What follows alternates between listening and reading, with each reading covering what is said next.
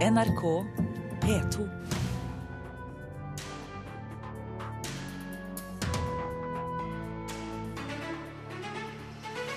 Julefilmen 'Tre nøtter til Askepott' skal pusses opp med støtte fra Norge.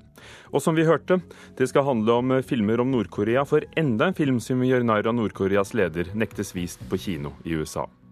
Annonsørene er utrygge på VGs nye TV-kanal fordi sendeskjemaet er uforutsigbart. Ingen ønsker å sende reklamen rett etter en skolemassakre, sier et mediebyrå.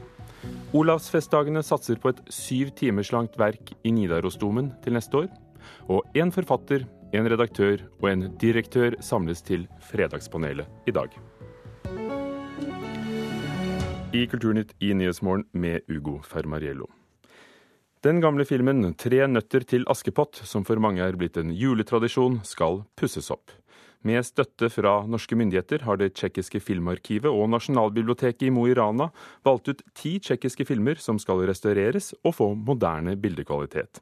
Blant de ti filmene som er altså 'Tre nøtter til Askepott', den som for mange er blitt en juleklassiker.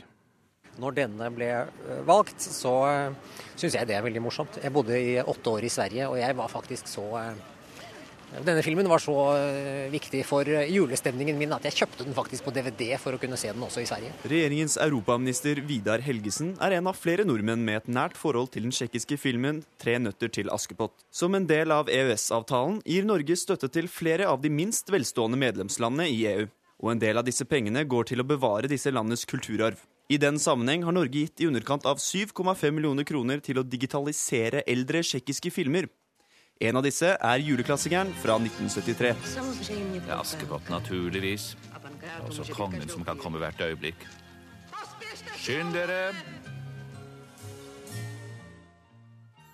Vidar Helgesen, symbolsk plassert utenfor julemarkedet på Karl Johan, forteller at dette gjøres for at de gamle filmene ikke skal bli ødelagt. Det å digitalisere denne filmen og andre filmer gjør jo at eh, de vil bli tilgjengelig på de nye medieplattformene. Alternativet ville vært at de ville etter hvert ha gått i glemmeboken. Fra 2009 til 2014 har Tsjekkia mottatt 1,1 milliarder kroner i EØS-midler fra Norge. Mesteparten går til prosjekter og programmer for å redusere sosiale og økonomiske ulikheter i Tsjekkia. Men en del av pengene går altså til å styrke tsjekkisk kultur.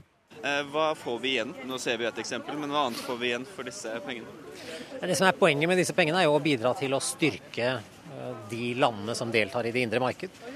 Og eh, gjennom å styrke disse landenes økonomi, så styrker vi også det markedet som Norge selger mest varer og tjenester til. Eh, konkret så tjener vi også på at vi styrker samarbeidet mellom eh, institusjoner i Norge og flere sentrale og østeuropeiske land som vi tradisjonelt ikke har hatt så sterkt samarbeid med. Tsjekkia har jo en rik kultur.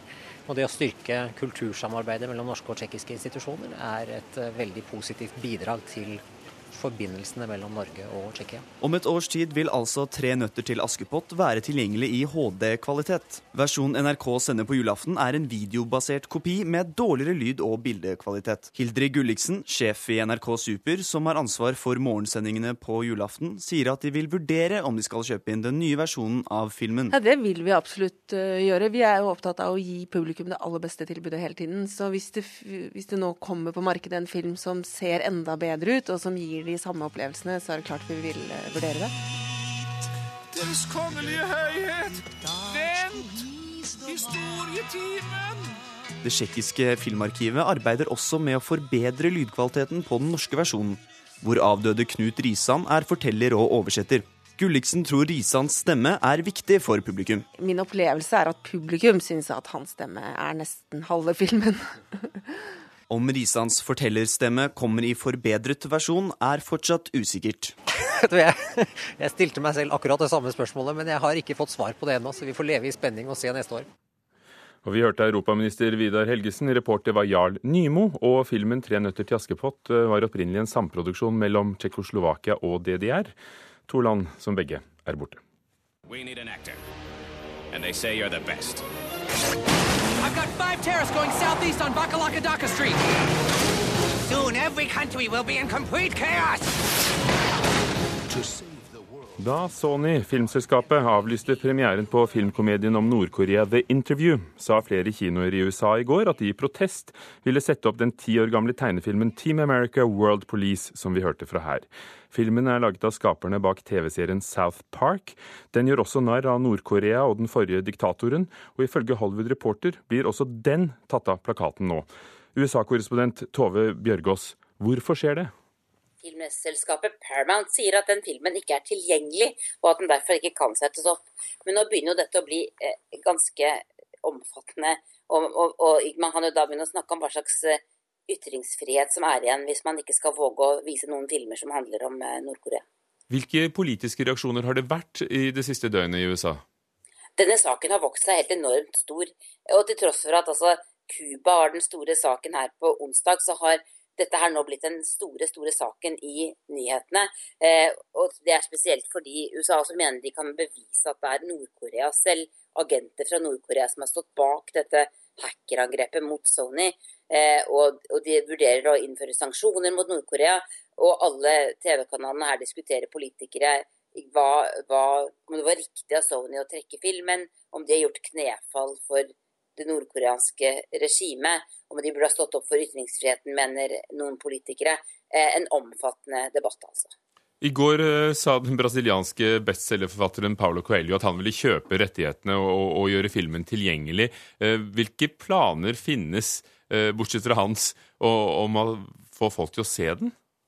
Nei, altså, det, det er mange kampanjer her nå. Jeg ser bl.a. at tidligere presidentkandidat Mitt Romney oppfordrer Sony til å legge ut denne filmen gratis på nett, og oppfordrer folk til å gi fem dollar til en kampanje som skal få filmen ut til, til folket. Eh, men ellers er det andre som mener at denne filmen er så dårlig at det egentlig ikke er noe vits å snakke om den engang.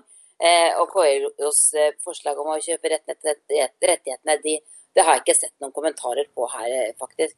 Takk skal du ha, Tove Bjørgaas i USA.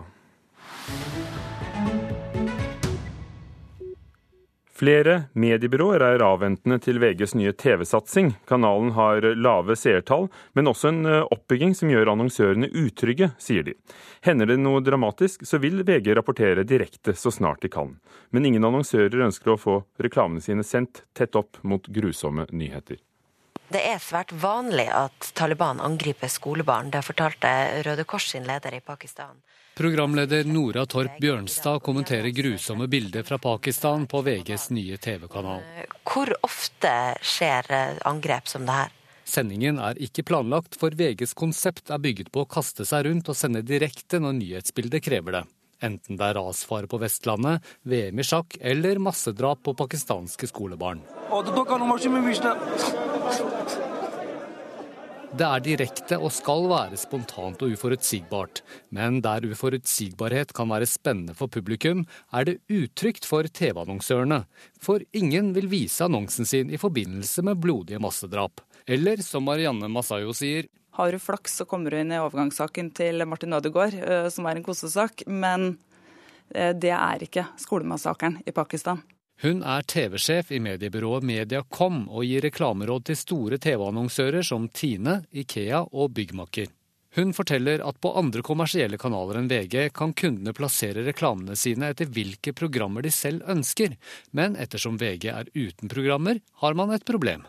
Per i dag så anbefaler ikke vi noen annonsørene våre å annonsere på VG. Vi har heller ikke anbefalt våre annonsører spesielt å, å annonsere på VG på TV. Sier Ulrikke Orvik, som er TV-sjef i mediebyrået OMD. Men det kommer mer av at det er en liten kanal, foreløpig en ganske ubetydelig kanal, med lav distribusjon. VG er nemlig en eksklusiv TV-kanal for Kanal Digital sine kunder det første halve året.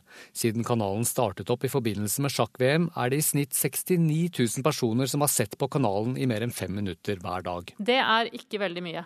Når de hadde sjakk-VM, da var det nok en del som fant veien til VGTV, og det kan vi jo se av seertallene i den perioden. Men eh, det er ikke sjakk-VM hele året. Da VG solgte seg til Kanal Digital, sa de samtidig nei til mange seere og reklamekroner, er konklusjonen. Men om VG skulle klare å komme seg inn hos Get og Riks-TV, ser fremtidsutsiktene noe lysere ut, tror TV-sjefen i Mediacom. Jeg trenger at de leverer stabilt høyere eh, seertall eh, enn hva de gjør eh, i dag. Jeg trenger også egentlig en mulighet for å segmentere mellom harde nyheter og underholdningsnyheter, sportsnyheter. Eh, så jeg kan gjøre et bevisst valg på vegne av annonsørene mine. Jeg forstår at uh, dette er en problemstilling når det gjelder så dypt tragiske hendelser som vi har hatt uh, denne uka i Pakistan og Sydney. Men vi lytter til annonsørenes behov, og vi søker å finne de beste løsningene. Sier Helje Solberg, som er fungerende administrerende direktør i VGTV. Og dette er en langsiktig satsing fra vår side, og vi vil jobbe knallhardt for å naturligvis å øke markedsandelen og få til en bredere distribusjon etter hvert. Helje Solberg i VG, reporter Petter Sommer. Den som skal besøke Olavsfestdagen i Trondheim neste år, må sette av Tid godt med tid. Festivalen skal sette opp et stykke som tar over syv timer å fremføre. Dette er hovedverket til den britiske kommunisten sir John Tavener, og er bare fremført fem ganger tidligere. Hvis du vet hvor du skal gå, vil du finne en bortgjemt kirke i en sidegate rett ved den legendariske avisgaten Fleet Street på grensen til Londons finanssentrum. Fra innsiden høres korsang. Kirken heter Temple Church, og på 1100-tallet var den hovedkvarter for tempelridderne. I dag et sted for musikk og nettopp korsang. Her er det også fremført et helt spesielt verk som snart skal på norgesbesøk til Nidarosdomen og Olavsfestdagene. Et verk det tar over sju timer å synge seg gjennom en hel natt. Hvorfor dette stykket, spør vi direktør Petter Fiskum Myhr, som er på musikkbesøk i London. Fordi at det er et um, vakkert, storslagent verk som varer veldig lenge, og som gir deg en helt annen tidsopplevelse enn du vanligvis får på en konsert. Som regel er man der i en og en halv time, og konserten begynner, og så har du et forløp en periode, og så er det ferdig. Det her varer mye, mye lengre. Og vi har tid som tema for Olavsfestdagene neste år, og da passer det veldig godt å sette opp det helt eh, enestående verket her.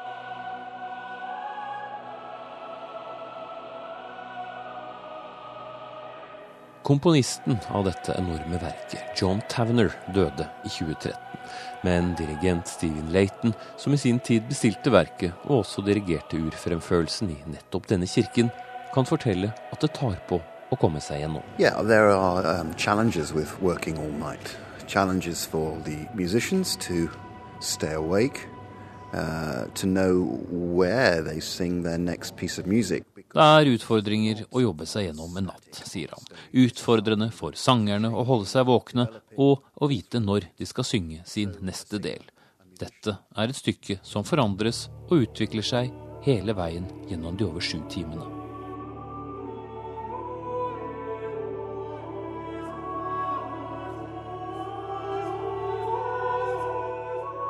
Stykket er knapt fremført tidligere, noe som gjør Olavsfestdagene ekstra kry. Ja, det er framført fem ganger i historien. Um, aldri en katedral. Vi står i en kirke nå, Temple Church, men det en ganske lita kirke. Verket er nok skrevet altfor stort for den kirka. Så når dirigent Stephen Laton så Nidarosdomen, så sa han det her er det perfekte stedet for å framføre akkurat det verket her. The Veil of the Temple binder sammen kristendom med islam, hinduisme, buddhisme, jødedom, ja, religionen til amerikanske urinnvånere.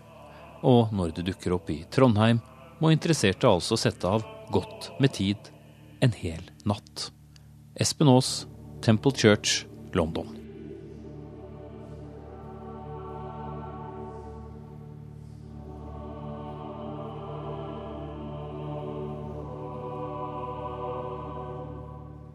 Sir John Tavner, The Temple Vale. The Vale of the Temple, Tempelsløret, skal spilles i Nidarosdomen natten mellom 1. og 2. august neste år.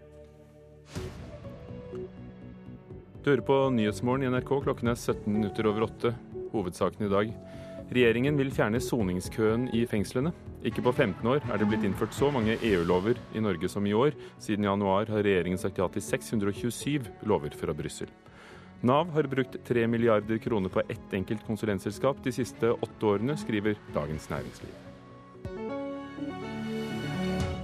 Og her i Kulturnytt er fredagspanelet samlet. Vi tar det i alfabetisk rekkefølge og begynner i Tromsø. Velkommen, Anders Oppdal, sjefredaktør i Nordlys. Tusen takk.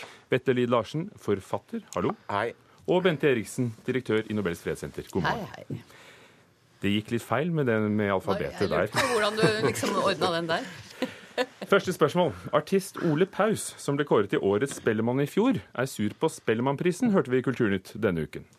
Det er veldig, veldig populistisk og veldig enkle greier. Og nå vet jeg at det er mange som kommer til å si at det er meg som er en grinete gammel gubbe og sånn. Og kanskje er det sant. Ja, for det er spørsmålet. Med denne kritikken og at det er populistisk, altfor mange synger på engelsk og det er kommersielt, er det Ole Paus som er en grinete gammel gubbe, Anders? Ja. Vetle? Ja. Bente? Nei. Hvorfor ikke? Du står ut. Ja, jeg syns han har spissformulert seg i 40 år og syns det er morsomt at folk spissformulerer seg. Så jeg syns det er helt greit at han sier det. Jeg syns han har et poeng, selv om jeg skjønner selvfølgelig godt at folk gjerne også synger på engelsk, så syns jeg det er morsomt at noen lager debatter, og det er Ole Paus god på. Er alt i orden med Spellemannprisen, Anders? Eh, ja, jeg syns jo det. Jeg syns Spellemannsprisen har vært eh, klart å eh, modernisere seg ganske godt i forhold til de endringene som musikkbransjen har vært igjennom. Det er jo litt av det samme som vi står i mediebransjen. Du må ha utrolig mange lyttere i dag, eller ja, altså folk som hører på sangene dine for å, for å tjene penger på det. På 70-tallet så kunne du bli rik på å skrive på norsk et, eller tjene penger inn i et, inn et begrensa marked, men nå med streaming og alle disse greiene så må du nå ut til et stort publikum, og da er det helt opplagt at engelske midler for å kunne leve av det. Ellers så blir det bare en hobby. Jeg, jeg tror det er helt riktig at Spellemannsprisen utvikler seg i en sånn retning. og Jeg liker også Ole Paus kjempegodt, men hvis vi legger til grunn logikken hans, så ender fort Spellemannsprisen opp som en eh, liten festival på et lite grendehus langt oppe i Telemark. Altså Jeg syns jo for så vidt han er gretten, men jeg syns også man kan høre på gretne gamle gubber. For det er jo det er helt klart det er noen poenger i det. Og det er klart at, at, øh, at norsk språk og norsk tradisjon osv. forsvinner ut. Men på den annen side så har den jo alltid gjort det. Musikkverdenen har alltid vært internasjonal. liksom Helt fra gregoriansk sang og barokkmusikk. altså Man spilte det samme over hele Europa. Vi snakket fransk over hele Europa øh, på 1700-tallet, og nå synges det på engelsk. Og, og, og vi må liksom bare være med på den øh, balletten der. En annen ting er jo at det er også litt, kanskje litt provinsielt å ville være på død og liv internasjonal hele tiden. Og det er klart at De største kvalitetene kan man kanskje også nettopp finne ved å, å, å synge på norsk eller bruke sitt eget, og plutselig nå et, et marked, da, hvis det er det ordet som skal brukes, ved å tørre å være seg selv inn til beinet.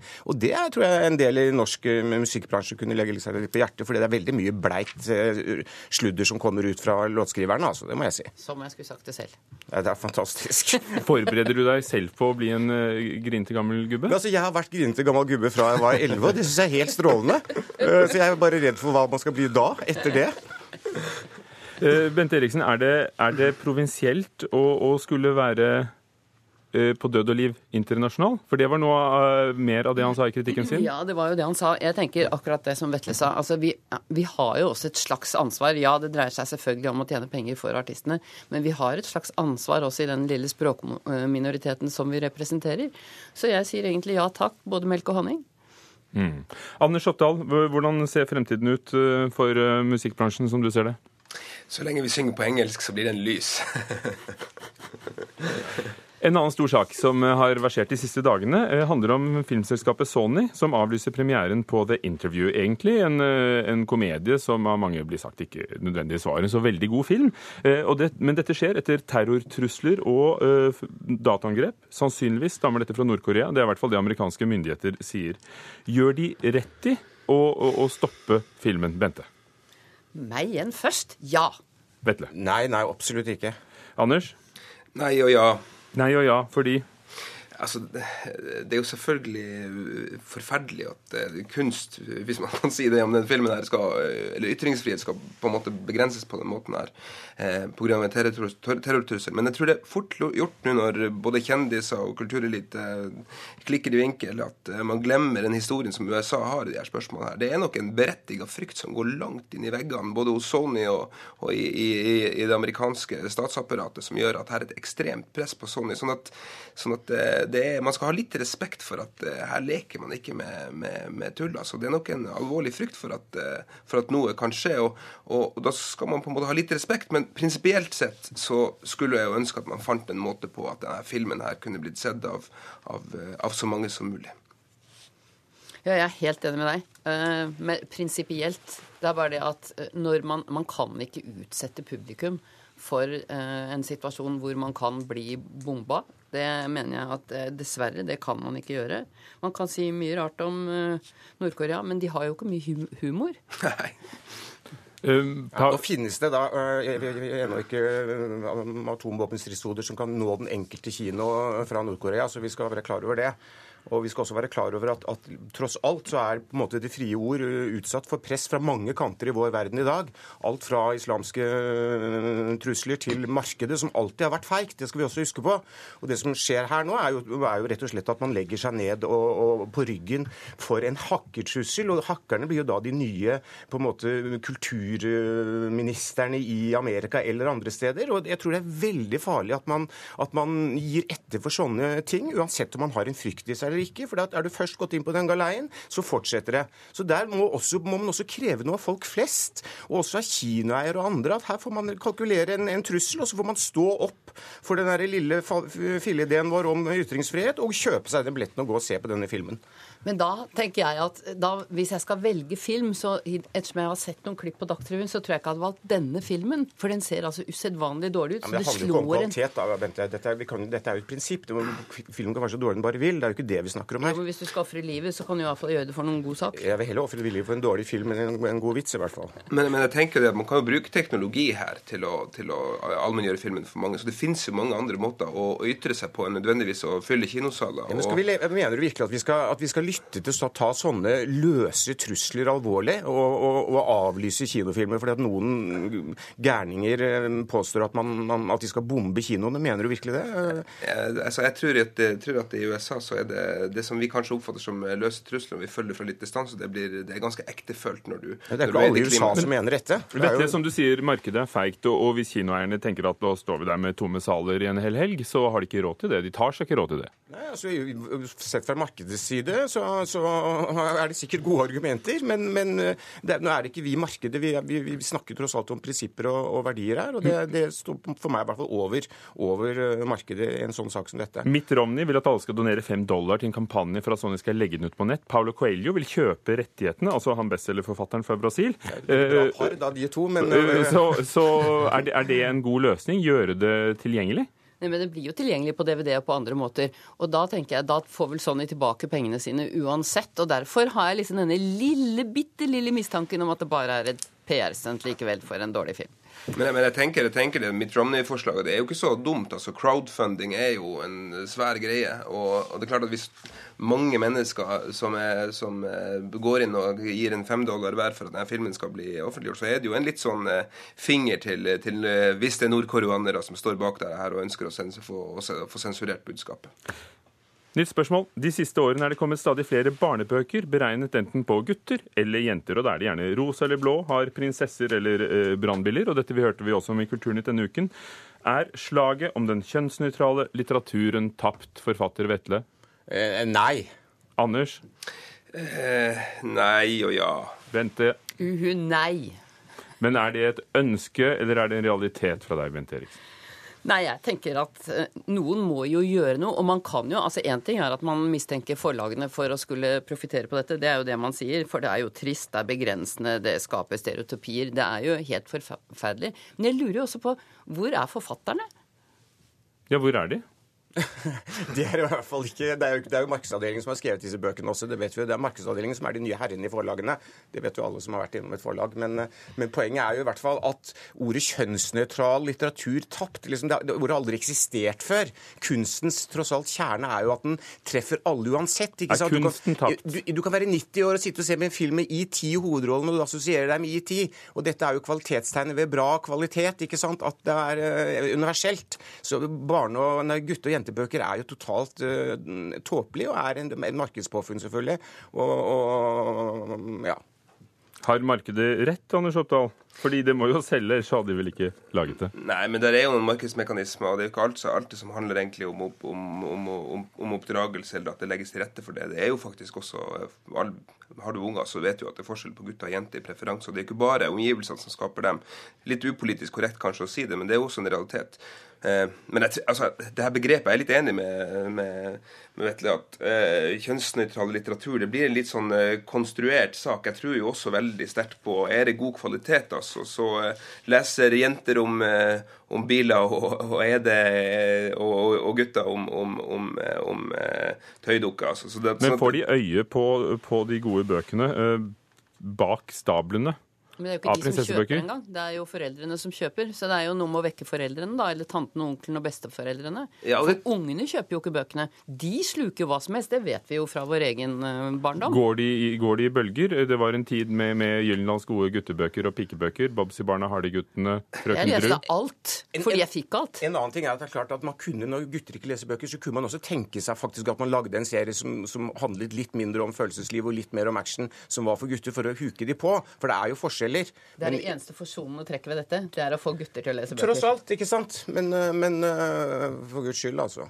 Men jeg tenker at det er et poeng å ikke bli for, eh, bli for, for opptatt av det kjønnsnøytrale elementet også. Det er jo sånn at Vi har et, et stort, stor utfordring for eksempel, med å få gutter gutta til å lese. og Hvis, hvis det er sånn at, at, det er noen mekanismer som ligger der dypt inne, så må man på en måte forholde seg til det. Man kan ikke ignorere det. Men jeg, men jeg er også enig i at jeg tror at veldig mye går på hva vi foreldre til syvende og sist Det er egentlig vi som utgjør markedet, det er ikke nødvendigvis ungene våre. Så vi kan, kan, kan påvirke langt i, i, positiv retning for at du skal ha en mer kjønnsnøytral litteratur. Du er enig og uenig alt, du. Det synes ja. jeg er veldig bra holdning. Ja, ja i, i, dag er jeg det.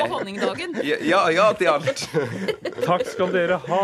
Bente Eriksen, direktør for Nobels eh, fredssenter. Anders Oppdal. Takk. Sjefredaktør for Nordlys og Vetle Riid Larsen, skribent og forfatter. Det var Fredagspanelet, og dette var Kulturnytt, hvor vi har hørt at Tre nøtter til Askepott, juleklassikeren, blir pusset opp for norske midler, og vi har hørt at VGTV sliter med å få annonsører. Hanne Lunås var teknisk ansvarlig. Lars Ivar Nordahl produsent. Ugo Fermariello programleder. Klokken halv ni snart. Hør flere podkaster på nrk.no podkast.